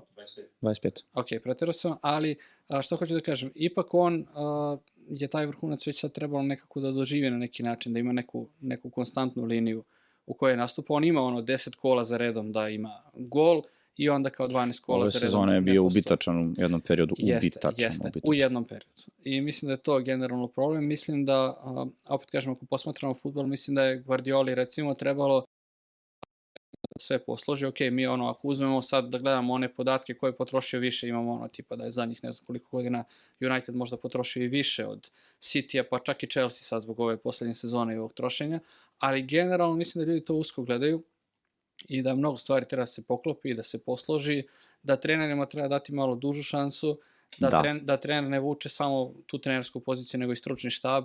Recimo, znam i tu priču da, recimo, možda interesantno da Mancini, kada je došao u City, u onim godinama kad su jel, kad je novac baš prilivao mm -hmm. da je onda ne znam koliko članova stručnog štaba ono od pomoćnog trenera do kuvara i tako dalje i da su se svi oni, da kažem, uhlebili tamo u Manchesteru, da su dobili neke nenormalne plate, što isto, mislim, kad se gleda s te strane... To mi ne vidimo, znam da, što će kažeš, da, to je... i, I to nije funkcionisalo, definitivno. Znači, čovjek je, kažu da je doveo 30-40 ljudi ukupno tamo što je stvarno neverovatna brojka kad samo pomislite koliko je to ljudi koji je došlo. Da ne pričam o igračima, transferima, menadžerima i svemu onome što, što tu, jel te, sve su to ljudi od krvi mesa koji možda neke stvari rade i, što se kaže, iza kuće, pa nije baš nije baš uvek jasno ko je zašto i kako došao u koji klub, ali generalno mislim da, evo sad koliko vidim po kvotama, City je sad ubedljivi favorit za narodnu sezonu. I, pa dobro, sigurno. Mislim, pa jeste, ali mislim mora. da, mislim da je čak veći favorit nego što je bio pred prethodno, ne mogu sad tačno se setim. Aha. Ovaj tipa, ne znam, na City je kvota oko 1.30, a sledeći ima 9 ili tako nešto. Znači baš je, baš je velika razlika. Nije čak ono, Liverpool ili Arsenal nisu čak ni na 4-5, nego baš Da, da, 8-9. da. Tako da kažem, velika je razlika i mislim da a, treba malo više pustiti trenere, a i stručne štabove da malo duže rade i treba se malo više baviti malo bolje tom transfer politikom, jer u nekom trenutku, evo, vidimo Chelsea šta je uradio. Znači, uspeli su da imaju najgoru sezonu od, od kupovine, ono, koje godine, 2000 i neke, od Abramovića do danas, a potrošili su više novca nego ikad. Ikad. Da, Kao i evo sad ubedljivo. interesantno, možda, možda ono, slušalcima i gledalcima je to interesantno, recimo, ono čime se ja bavim u poslednje vreme, meni su, opet kažem, te stvari oko futbola jako zanimljive, recimo, ovo što se napominje da bi uh, Kulibali mogao u Al Ahli, slagaću se, Ima ih četiri. Al Nasr, Al, Ahli, Al, Al... Al Ittihad i još neko. I, da. Da, još neko. A verovatno u taj još jedan. Da, Baš ali taj treba možda, da ide. možda čak i u Al-Ahli. Ovaj, priča se o tome da kao oni daju ne znam koliko novca za njega, on pri, pritom ima recimo 32 godine, tako nešto. Da. Ima ogroman ugovor i navodno se sad povezuje da a, vlasnici Al-Ahlija, odnosno firme koje su tamo, imaju a, deljeno vlasništvo sa nekim firmama koje ima vlasnik Chelsea i da oni zapravo da bi ispoštovali finansijski fair play sad a, je. fiktivno prodaju te igrače i oslobađaju se ugovora, tako da taj finansijski fair play više praktično i nema nikakvog smisla. Pa mislim, on nema smisla za Saudijsku Arabiju jer tamo ni ne postoji. Da, da, ali kažem, znači, Englezi mogu da opeglaju sada svoje uh, troškove kroz to što će napraviti neke fiktivne prihode, kao što je City radio sa sponzorima i tako dalje. Tako je, da. Inače, pa, to je interesantno, uh, za Neymara sam teo da kažem, kad sam bio u Kataru, Neymar je uh, zaštitno lice svega. Aha, Znači, Neymar je ono, od banki Katara pa nadalje, jer kao što znamo isto zbog finansijskog fair playa, njemu je PSG dao jednu platu, a ne znam, dve trećine ili tri četvrtine je bilo kroz sponzorske ugovore Tako i sve, i bukvalno gde god se okrenete, ono, svuda je Neymar u nekoj, ono, ili roze, ili naranđasto, ili plavoj majici, zavisi šta reklamira u tom trenutku. pa mislim, generalno kako to fun- isfunkcionisalo sa Chelsea, baš smo, baš smo pričali o tome u jednoj epizodi, to je ta amortizacija u, u futbolu, gde, mislim, evo, generalno, ako sad pričamo baš o Chelsea-u, Uh -huh. dakle, svi igrači koji su dovedeni od iznosu od 600 i nešto miliona, oni su taj ukupan iznos razvukni na 6 do 8 godina. Dakle, oni u svojim to je- knjigama... da, jeste, ali to je malo, mislim, to je pametno, opet, sa, sa, strane financija, s druge strane, znaš... to je kao- privremeno pametno. Da, da, s druge strane kao imaš uh, ugovore prvi put na po 8 godina, što pre nije bilo, maksimum Tako je bio nekih 4-5, sad odjedno može 8, sad kao kako može 8, znaš, malo je to, Da, ima tu rupa, slažem da, se. kao što je Barcelona radila sve i svašta, ali Au. znaš kao, znaš kao, zapitaš se kao, ok, znači mi smo svi glupi, a vi ste pametni, znaš kao, Da, da, jeste, Tako jeste, ispada. da. Pa, samo zašto to trenutno uspeva je upravo to, kako su razvukli, da njima, oni nisu platili 600 miliona, dakle oni u svojoj knjizi to vode kao 80, 80, na 100, primjer, da. miliona, Da. a onda dovedu i prodaju, na primjer, jednog Kantea, jednog Koulibalija, eh, Hakima Žiječa, ko se još dovodi iz Chelsea u, u Saudijsku Arabiju? Pa mislim da si popisao sve manje više. Da. Ako ne računamo sad Haverca za Arsenal, Kovačića Da, City, Realne Mount, transfere, da. Da. Ovaj, oni u knjigama, svaki transfer koji se desi, napucaju ceo transfer u tu sezonu. I oni tako uspevaju iz sezone u sezonu zapravo da budu na nekoj nuli, ako ne čak i u plusu. da. Dakle, ako je to bilo 80 miliona, oni će prodati Haverca za 60, Kovačića za koliko, 30, za ne... Ok, sve ide u jednu sezonu i oni su tu sezonu izmirili. Da. Njihov problem konkretno je kad oni to razvuku na 6-7 sezona, je da moraš da gledaš taj ugovor kao nešto što si ti kupio za svoj klub. Dakle, vrednost igrača u prvoj sezoni, kada ima 20 i, na primer, 4 godine, Da, i posle 6 sezona kada ima 30, koliko si izgubio vrednosti. da. A i dalje ga plaćaš procentualno od vrednosti koje ima sa 23-4 godine. Ma da, To, mislim, to je, to je, to je kao glavni problem. preduzeće da vodiš da imaš ono, osnovna sredstva. Ma jasno, slažem se. Tako je, to je... Zato i kažem, mislim da, mislim da treba malo šire po- posmatrati futbol, da treba se malo više baviti rukovodstvima klubova. Mm. Mm, ok, jeste biznis, ne možemo mi da izbegnemo sve. Kažemo, e, ajde zaustavite sve, nek transferi opet budu po 5 miliona evra. Ok, ne može. Ne može ni plata više da bude 100.000 godišnje, može bude nedeljno. I više, evo sad, danas sam baš video kao da navodno Haaland ima platu 865.000 funti nedeljno. Da, to je, izašla ta informacija, ja nisam toliko obratio pažnju na to, zato što mi je to malo nelogično, jer znam da bi izašlo svakako, pošto baš pratim City, Uh -huh. izašlo bi to u finansijskim izveštajima, kao baš pratim to. Nije mi čudno da su napravili nekako dogovor da to Pa bude cena, pazi, sama 400-500, da. pa tih 800 da se nadomesti na neki drugi način, da li kroz sponzore, da li indirektno kroz neke bonuse. Moguće je zbog triplete sada da je aktivirano dosta tu. Kao Neymar u ono, ako Mm. svima kažeš dobar dan, ovaj, kad dođeš Da, na da, da. trening imaš još 500.000 nedelje. Od prilike tako nekako. Ovaj, ali video sam tu informaciju, baš, baš ćemo to proveriti da, da li je istina, jer ako je istina... To sam danas vidio. Da, da, znam, na to je u. Daily Mailu izašlo, da. Mhm. To, ili mail, običan, ne, sad ne mogu ja više Znaš šta, malo je i čudno da, da ti sad vodiš kao, ne znam, opet računovodstveno, što bi rekli kod nas, da je, a, ne znam, 70 miliona plaćen Haaland. U situaciji kad je Kukurela, ono, 80 ili koliko je već. Znaš, A, mora to negde drugde da se... znaš kao, ne, ne, nema smisla, besmisleno. Znaš kao, ok, hteo igrač da pređe dobro i on sad košta manje od levog beka Chelsea koji se nije snašao u Chelsea. Pa znaš kako, ta situacija sa Haalandom uh, je u tome što je on imao u svom ugovoru klauzulu Da. nakon tog iznosa. E sad, drugi deo je deo koliko je otišlo njegovom ćaletu. Da. I to ide u agencijski novac i to ne podleže prvom onom fair playu kada, znaš, imaš prosječno jača, kaže, ok, Haaland 50 miliona, a prodali su ovog za 20, aha, znači imaju 30 miliona. I opet je kriv Nije. Neymar, odnosno Neymarov ćale. Da, opet je, tako je, Sve opet što je radio Neymar, sad rade drugi futboleri, sve što je radio Neymarov ćale, sad rade drugi ćalci, to je to. Od prilike tako nekako, da. Lepo si to ovaj, obrazložio. E, ocena sezoni Uniteda od 1 do 10. Pa, sedmica. Sedmica, jel? Da. Mislim, pazi, za klub veličine Uniteda to bi trebalo bude pet. Jer ono kao, znači, Fair. ali, ali opet, ajde recimo da je sedmica s obzirom na okolnosti i na prethodnih par sezona. Kao, ajde, kada ja već pričam o tome, ajde da gledamo širi kontekst, kao šta se dešavalo sve. Da, da. Mislim da imaju dobrog trenera sada i da to treba da opstane neko vreme. Ok, ne može sad ona priča kao Fergie je imao x sezona da se dokaže, ok, to je bilo 85. Sad je 2023. Uh, Te, tebe će da zamene u tvom podcastu ako ne vodiš dobro, a Tako je. kamoli trenera u, u nekom ovaj, klubu koji, jel te, on je došao juče, a sutra može da ode. A, na, za narednu sezonu, šta bi menjao? Šta bi dovodio? Šta, ko, ko treba da ode? Ko je, evo, ti si sad upalio futbol menadžer, Da, Ušao da, si da. na Pa dobro, United. ja, dobro, u Football Manageru ja uvijek prodajem prvo motorce, to mi je nešto ono, navika, to mi je neka taktika i to volim, ali generalno a, mislim da treba da se sredi odbrana, a, definitivno mislim da Maguire, bez obzira, postoje neke struje koje ga brane, postoje struje koje ga napadaju, on jeste ovako komičan lik, ja što god da stavim za njega, ljudi se smeju i to je zabavno, jednostavno zabavno je. To ne znači da je on užasan futbaler, mislim, ljudi, i to, i to, često, i to često imamo kao, znaš, e, ljudi smatraju da kao on sad da igra s nama bio bi loš. Pa ne, postoje, ono, there are levels, kao, znaš, Da, e, da. da bi bio najbolji u kraju treba budeš dosta dobar, da bi bio najbolji u gradu još i tako dalje i tako dalje. I on je na nekom visokom nivou, pre svega što se tiče fizičke spreme i ostalih stvari, ali definitivno da on u nekim sistemima može da igra, u sistemu kakav je Unitedov, on definitivno ne igra, slaba je karika, pravi greške i to one očigledne greške što završavaju u highlightima gde se ljudi smeju. Tako da kažem, to je pre svega, bar ja mislim, problem.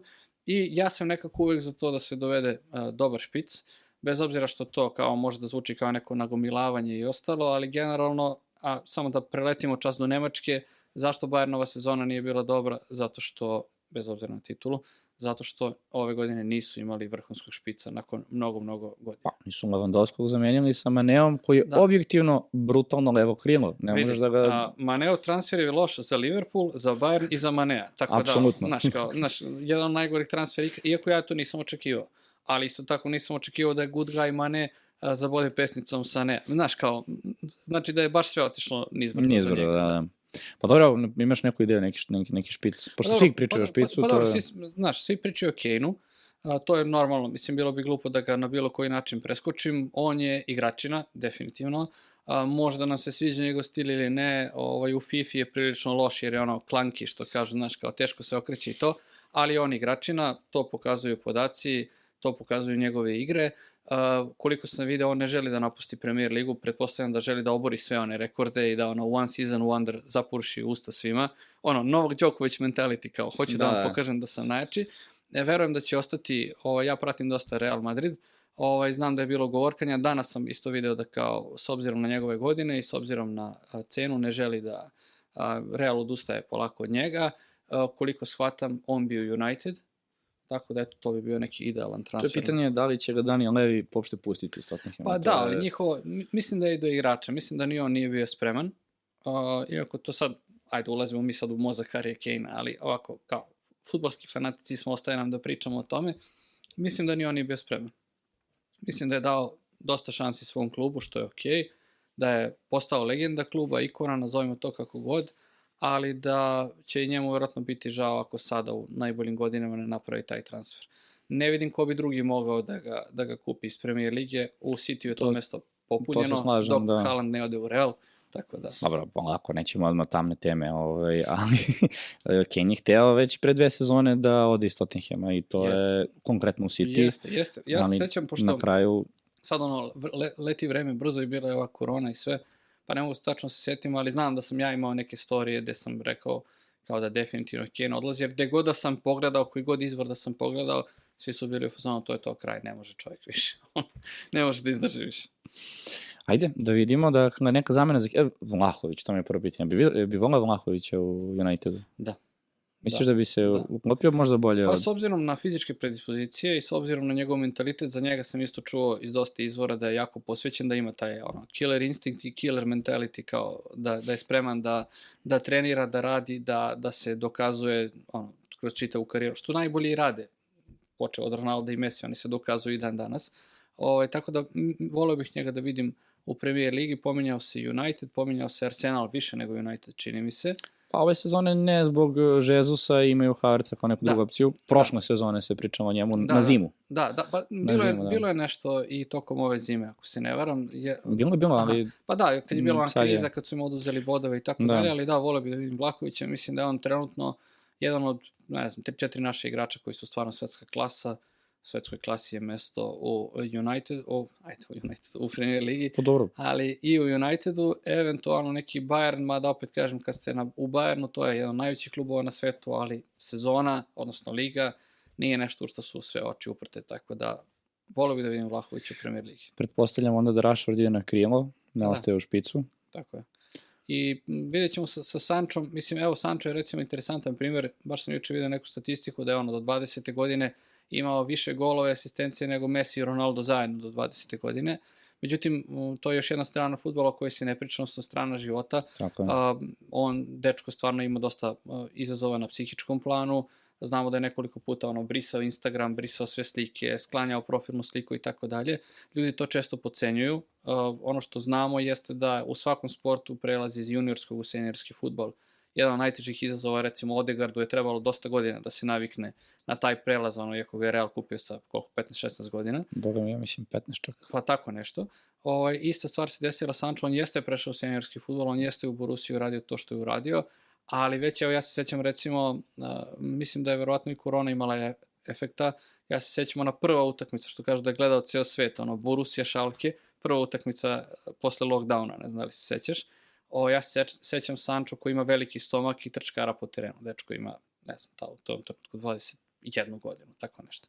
Ovaj, tako da kažem, to je, da, to je još jedna stvar, volio bih da se on oporavi, ne znam da li je to moguće, ne znam kakav je njegov mentalitet, ali volio bih njega da vidim po toj desnoj strani, pa mislim da bi to bilo interesantno. Prelaskom Rashforda na levo krilo njemu se ozbiljno, ozbiljno smeši provođenje na klupi naredne Pa, sezone. znam, znam, slažem se. Jer imaš jednog Antonija sada koji je tu došao... Pa dobro, sa Antonijom moramo da vidimo šta će biti. Verovatno znaš da je optužen za, za nasilje u porodici, da je ovaj, supruga optužila u, u četiri konkretna primjera da je ovaj, nešto je tukao, napastvao i šta već, da je pretio da će da je ubije, da ima te neke poruke ili šta već, pre par meseci, tako da ja tu vidim jedan sunovrat, iskreno ne, ne očekujemo od Antonija da će... Kao sa Greenwoodom, jel?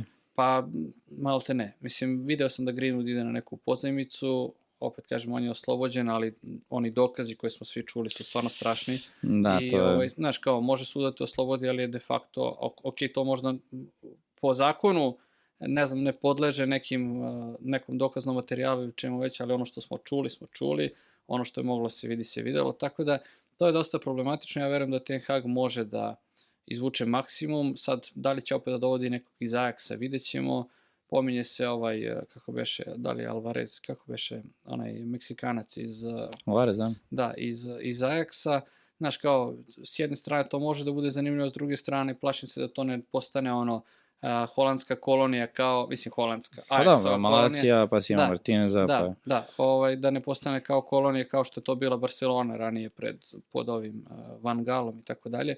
Znaš, tako da kažem, ok je ta ekipa, ono što je malo poražavajuće što ja ne vidim da oni mogu na bilo koji način da se bore za titulu još uvek. Ne znam koji bi to... Ok, Kane i još jedna, ono, Aždaja u veznom redu, pa da vidimo. Recimo, Sergej je sigurno interesantan, mada z njega To je da, najčešće da gađate Newcastle. Mounta, odnosno United hoće da dovede Mounta kao prvo pojačanje. Pa da, ali I pre špica. Da, da, video sam i to, ali s druge strane, opet ja mislim da Mount ne pravi razliku. Sad, kažem ne pravi razliku, opet da se ogradim, a, ne možemo da kažemo, e, nije dobar igrač, daleko Da, od toga. da, Ali ono, Kane pravi razliku, a, eventualno Sergej, to bi bilo nešto fantastično, to bih baš voleo da vidim. Što ne obojice? I Vlahović i Sergej. To, to bi bilo sjajno. Meni nedostaje sad ono neki klub, evo sad je to konkretno Juventus jer imaju Kostića i Vlahovića, ali mi nedostaju ti srpski tandemi. Ono, imali smo ih u NBA, imali smo ih često ono, u Laciju Da. i tako dalje, da imamo za nekoga da navijamo baš onako zdušno, kao da, da ono, jedan asistira drugom, što se i dešava. Pa Sergej je definitivno sad ovo period gde on mora da ili traži poslednji pravi onaj ugovor, Da, ili da ide u neku drugu ekipu i da... ja se nadam opet ono koliko sam načuo, a, njemu je mnogo lepo u Rimu i jednostavno Mm. ovaj, to, je, to je faktor, jer a, mi često, opet kažem, zanemarujemo tu ljudsku stranu kod futbolera. Konkretno, mnogi od njih recimo biraju Valenciju kao klub zato što žele da žive u Valenciji i ljudi to često zanemaruju. Ko je bio u Valenciji, ja nisam, ali ko je bio kažu da je to jedno fantastično mesto, raj na zemlji. Bio sam nedavno u Barceloni, isto je fantastično mesto i to dosta utiče na izbor kluba, gde smo imali, ne znam, Vidića koji je svoje vremeno izjavio ono kao najlepši deo Manchestera je autobuska stanica, jer tad izlazimo iz Manchestera, znaš. Ne. Ovaj, sećam se kad je Di Maria bio da njegova žena htjela da odlepi u Manchesteru. Takođe, e, je Vidić... možda- žena Leroya Sanea Aha, i dalje živi u Manchesteru. zašto? A, ne znam, Dobro. ali Sané se prebacio na kraju u, u, u Nemačku kada je otišao u Bayern. Da, da. Ovaj, ona je otišla sa njim i posle nekog vremena se vratila da živi u Manchesteru i on često uh, odlazi u London i onda hvata prevoz od Londona do Manchestera. Znam iz Šta, iskustva, šta joj je? E, n- ne znam, ali eto, na primjer, imaš sad situaciju gde neko, neko voli takvu klimu, posao, deca. mislim. Da, okej, okay, pa zato i kažem, mi često zanemarujemo taj ljudski faktor kod, eh, kod igrača, znaš, kao, ok, živjeti u Rimu i u Manchesteru stvarno nije isto. U Manchesteru, ok, nisam bio, ali kapiram da postoje određene razlike, što klimatske, što životne navike, što sama atmosfera. Pa dovoljno je Grad- period korone kada se desio, zamisli da si u lockdownu u jednom Manchesteru, gde u sred juna ti pada kiša po ceo da, dan. Da, pa evo šta smo mi iskusili sad što se produžila ova zima, odnosno ova jesen što je bilo To umesto proleća. to. Htjeli smo da odlepimo se. Ali e, čak sam čuo sad, to ne znam da li sam negde čuo, pročitao sad već, oprostite, ne mogu tačno se setim, ali čak i Vidić, e, čini mi se baš pričao da, da u Manchesteru imate samo ono par restorana koji su cool da se izađe. Bio sam u Manchesteru. E, i? Uh, Je li istina? s- otprilike apsolutno sve istina. Mnogo je, su, ne, ne- znam, tamno je nekako, svi, svi su nekako, Sivo. si, e, lepo si rekao sivo, sve je to grad koji je spreman na poplavu otprilike koja će pasti sa neba i to je to. Jeste, to je Engleska, sve to stoji, ali nije London. Da. To je, to je, to, to je njihova prva rečenica. Lep je Manchester, ali nije London. To Da, je- pa ja uopšte ni ne znam, nisam bio još u Engleskoj, to mi je velika želja, ali uh, koliko sam čuo, pročitao video, koliko shvatam, uglavnom uh, sve van Londona je onako promenljivo. Reci mi sad, evo što si rekao, ovaj, da ne vidiš da, da United može da, da osvoji uh, titulu sledeće sezone, ok, šta je predikcija onda za narednu sezonu? Pa top 4, mislim, ono, mislim da će biti slična sezona ovoj. A, Newcastle, sviđa mi se šta radi. Prvi put da su neke velike pare uletele u neki klub, a da oni nisu pomahnitali, nego su ono, kupovali relativno normalno. Ok, opet je to dosta para, da, da, opet da, Da, da da. se ogradim, ali kao nisu poludili. Pametno, mnogo pametno. Da, vrlo pametno i lepo to rade. Uh, s jedne strane, tako da, eto, imamo opet uh, City, Arsenal, Newcastle i, dobro, i Liverpool i Manchester, pa vidjet ćemo ko će se od tih Ajde, ajde, Pet. evo, baš me interesuje poređe. Evo, sad tu pričamo već o nekih top 7, to smo sad Da. spomenuli, da, Da, ako. Newcastle ovako uhvati ritam i ako ostane u Evropi sezone u sezonu i ostane na tom nivou, to je već top da, 7. Da, da, dobro, sad će Dakle, biti izazov zato što igra, Naravno, igraće naravno, Evropu, mislim, naravno. to je, to je uvek ono, izazov, posebno sa još njihovim svim ostalim takmičenjima. A, pa recimo City prvo mesto, to je manje više zacementirano. A sad ću da ih ureknem, nadam se. ovaj, Neka, neka je. City definitivno prvo mesto. A, drugi, a, rekao bih ponovo Arsenal, Dobro. verujem, verujem u njih. N- ne vidim što dovode Havertza, nije mi jasno, to da, da kažem, ne znam vidi, oni ozbiljno ulažu. Havertz, Rice, Lavija, Da, Timber. Timber. danas je bilo, danas je bilo za Rajsa kao da, da ovaj, odbijeno. odbijeno 85 miliona ili koliko. Plus A- 15. A, ali kao, da, plus ovaj, malte ne stotka. Ovaj, tako da, ajde nek bude drugi Arsenal, treći Newcastle, četvrti United, peti Liverpool. To manje više otprilike ponovljena ova sezona. Da. A Chelsea? Pa, Zaboravio. danas je na kunku, ne, nisam ih zaboravio, nisam ih zaboravio. Kao, Ne, samo ih namjerno nisam rekao. ne, ne, nisam, nemam ništa protiv Chelsea, naprotiv, simpatični su mi samo što je stvar u tome što evo danas je došao na kunku, zvanično, mislim, Da, iako je to. potpisan pre koliko meseci. Uh, šta, sad, kao, gde, ko, kako, znaš, kao, vrlo je čudno, ono, kao, šta će se tu dešavati u odbrani, u napadu, šta će na gol, evo i Mendy ide, ovaj, I Mendy ide u I- Saudijsku Arabiju, u to smo zaboravili. Mendy, tako je. Da. A, s druge strane, kao Kepa, mislim, sve što se dešavalo s njim, kao, znaš, kao, zašto Mendy ide? Meni, meni to isto, recimo, kažem, mi gledamo sa strane par hiljada kilometara daleko i navijamo, ali kao, zašto Mendy odlazi, zašto Kepu niste uvalili, znaš, kao, jako je čudno da bar vratite bar deo novca. Tako da, znaš, ono, ne verujem da Chelsea može nešto sad da se a, kao Fenix uzdigne i te promene trenera. Znaš, kao, ako pričamo o sistemu, ja tu ne vidim nikakav sistem trenera. Pa dobro, ali jel, može gore od ovoga. Ne, Mislim, ne, ne, Znači, ne, mislim da, ne, ovo je sad, makar bolju sezonu. ne, mislim, sigurno, to je... to sigurno, sigurno, daleko bilo, pa neću da gasi klub, Pa vidi, ništa me ne bi čudilo. Mislim. isto. Ove, a Tottenham, si mi rekao? Nisi Pa nisam, nisam, ne, ne, Te dve ekipe kao tu su negde dole. Pa, da. da. Da, pa ne bih im dao neke šanse, zato što, opet kažem, ok, Tottenham ima neki sistem, ali taj sistem je loš. Mislim, definitivno nije efikasan. Okay. Nije pobednički Kapir, mentalitet u da, o mentalitetu da ni ne govorim, jednostavno, znaš, kad postanu usprednja, u nekom trenutku da ono i sami navijači Tottenham meni pišu kao okači nešto za nas, kao ono sprdeno, znaš, jer kao, znaš, kao valjda im je lakše malo. To sam rekao skoro, ovaj, dakle, desilo se konačno posle nekog vremena, odnosno posle koliko 30 godina, Liverpool je uzeo ligu, pa smo prestali da zezamo Liverpool oko toga.